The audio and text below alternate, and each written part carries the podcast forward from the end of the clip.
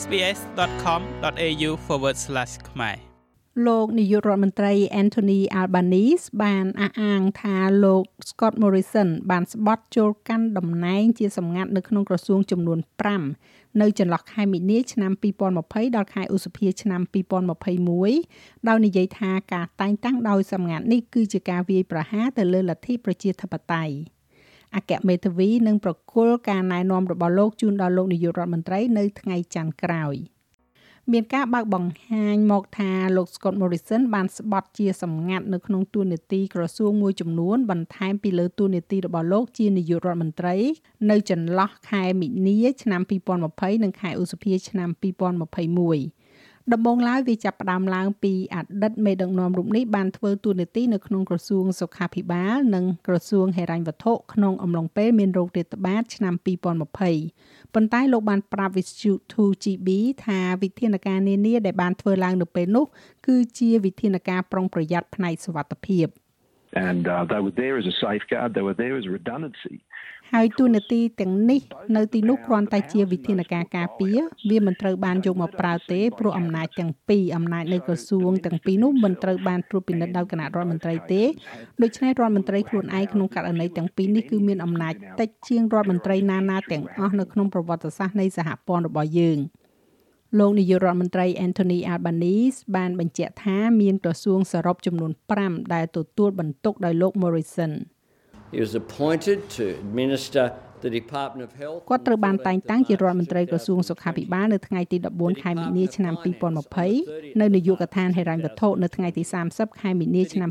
2020នាយកដ្ឋានកិច្ចការផ្ទៃក្នុងនៅថ្ងៃទី6ខែឧសភាឆ្នាំ2021នាយកដ្ឋានរដ្ឋាភិបាលនៅថ្ងៃទី6ខែឧសភាឆ្នាំ2021និងនាយកដ្ឋានធម្មពលនិងទុនធានវិទ្យាសាស្ត្រឧស្សាហកម្មនៅថ្ងៃទី15ខែមេសាឆ្នាំ2021 អគ្គមេធាវីនិយាយថាការតែងតាំងតួនាទីនៅក្នុងក្រសួងទាំងនេះត្រូវបានធ្វើឡើងក្រោមមាត្រាទី64នៃរដ្ឋធម្មនុញ្ញដែលស្របទៅតាមរបៀបដែលការតែងតាំងរដ្ឋមន្ត្រីធម្មតាត្រូវបានធ្វើឡើងលោក Albanese បានសម្ដែងការមិនពេញចិត្តចំពោះស្ថានភាពនេះដោយបានចោទប្រកាន់រដ្ឋាភិបាលមុនថាប្រតិបត្តិការដោយសម្ងាត់និងបំភាន់សភា I cannot conceive of the mindset ខ្ញុំមិនអាចយល់ពីផ្នត់គំនិតដែលបានបង្កើតឡើងរឿងនេះនោះឡើយហើយខ្ញុំក៏មិនអាចយល់ឃើញពីរបៀបដែលគណៈរដ្ឋមន្ត្រីអនុញ្ញាតឲ្យមានរឿងនោះកើតឡើងដែរ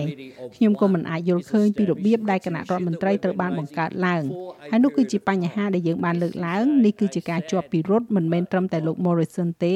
ប៉ុន្តែសហការីខុទ្ទកាល័យទាំងអស់របស់លោកដែលបានគ្រប់គ្រងនៅពីខាងក្រោយហើយបានអនុញ្ញាតឲ្យមានរឿងនេះកើតឡើង។ សហការីគណៈរដ្ឋមន្ត្រីរបស់លោក Morrison មួយចំនួនអះអាងថាពួកគេមិនបានដឹងអំពីស្ថានភាពនៃរឿងរ៉ាវនៅពេលនោះនោះទេ រួមទាំងអ្នកដែលក្រសួងរបស់លោកស្រីផ្ទាល់ត្រូវបានរົບអូសនោះគឺរដ្ឋមន្ត្រីក្រសួងមហាផ្ទៃលោកស្រី Karen Andrews ដែលបានថ្កោលទោសកម្មភាពរបស់លោក Morrison លោកស្រី Andrews មានប្រសាសន៍ថាការបើកបង្ហាញទាំងនេះធ្វើឲ្យខូចដល់សុចរិតភាពរបស់រដ្ឋាភិបាលហើយអំពាវនាវឲ្យលោក Morrison លាលែងពីតំណែងនិងលាឈប់ពីសភា គណៈពេលដែលប្រហែលជាមានហេតុផលល្អល្អខ្លាំងណាស់ដែលលោកត្រូវបានស្បត់ចូលកាន់តំណែងផ្សេងផ្សេងប៉ុន្តែការពិតដែលថាវាមិនត្រូវបានពិភាក្សាជាមួយរដ្ឋមន្ត្រីដែលទទួលបន្ទុកនិងថាមិនមានការប្រកាសជាសាធារណៈអំពីអ្វីដែលកំពុងតែកើតឡើងនិងមូលហេតុដែលវាកំពុងតែកើតឡើងពិតប្រាកដដែលអាចទទួលយកបានអ្នកមិនអាចគ្រប់គ្រងដោយស្បៃមុខសម្ងាត់បានទេហើយខ្ញុំគិតថាបើនិយាយពីភាពបើកចំហនិងដំណាភាពយ៉ាងហោចណាស់ស់ពួកគេគួរតែត្រូវប្រកាសឲ្យបានត្រឹមត្រូវ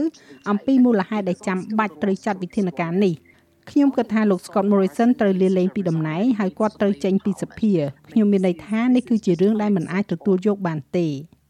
អតីតឧបនាយករដ្ឋមន្ត្រីលោក Michael McComas បានការពារលោក Scott Morrison ចំពេលដែលមានការរិះគន់ទាំងនេះដោយផ្ដល់នូវបរិបទមួយចំនួនចំពោះស្ថានភាពនោះ។ លោកនិយាយថា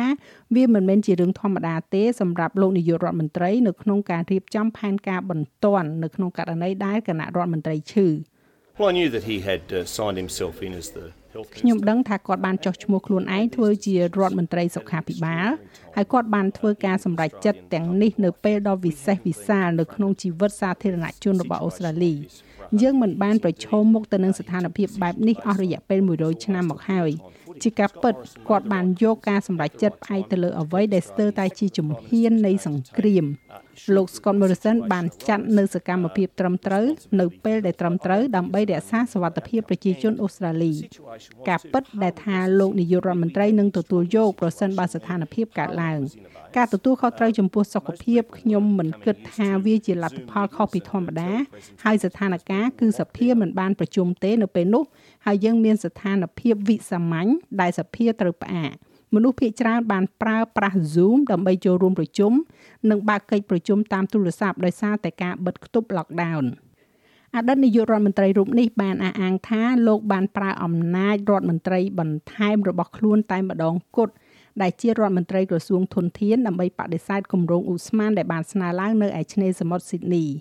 ចាប់តាំងពីពេលនោះមកលោកបានសុំទោសមិត្តរួមការងារនិងសាធារណជននៅក្នុងសេចក្តីថ្លែងការណ៍ដ៏វែងមួយនៅលើប្រព័ន្ធបណ្ដាញផ្សព្វផ្សាយសង្គមប៉ុន្តែទទូចថាចំណាត់ការដែលមិនធ្លាប់មានពីមុនមកទាំងនេះគឺត្រឹមត្រូវដោយសារតែជាឥទ្ធិពលដ៏អាក្រក់នៃโรគរាតត្បាត។ យើងត្រូវតែចាត់វិធានការពិសេសមួយចំនួនដើម្បីដាក់ចេញនូវការការពារជាសំណាងល្អការនោះមិនមានអ្វីកើតឡើងនៅក្នុងករណីខាងផ្នែកក្រសួងហិរញ្ញវត្ថុ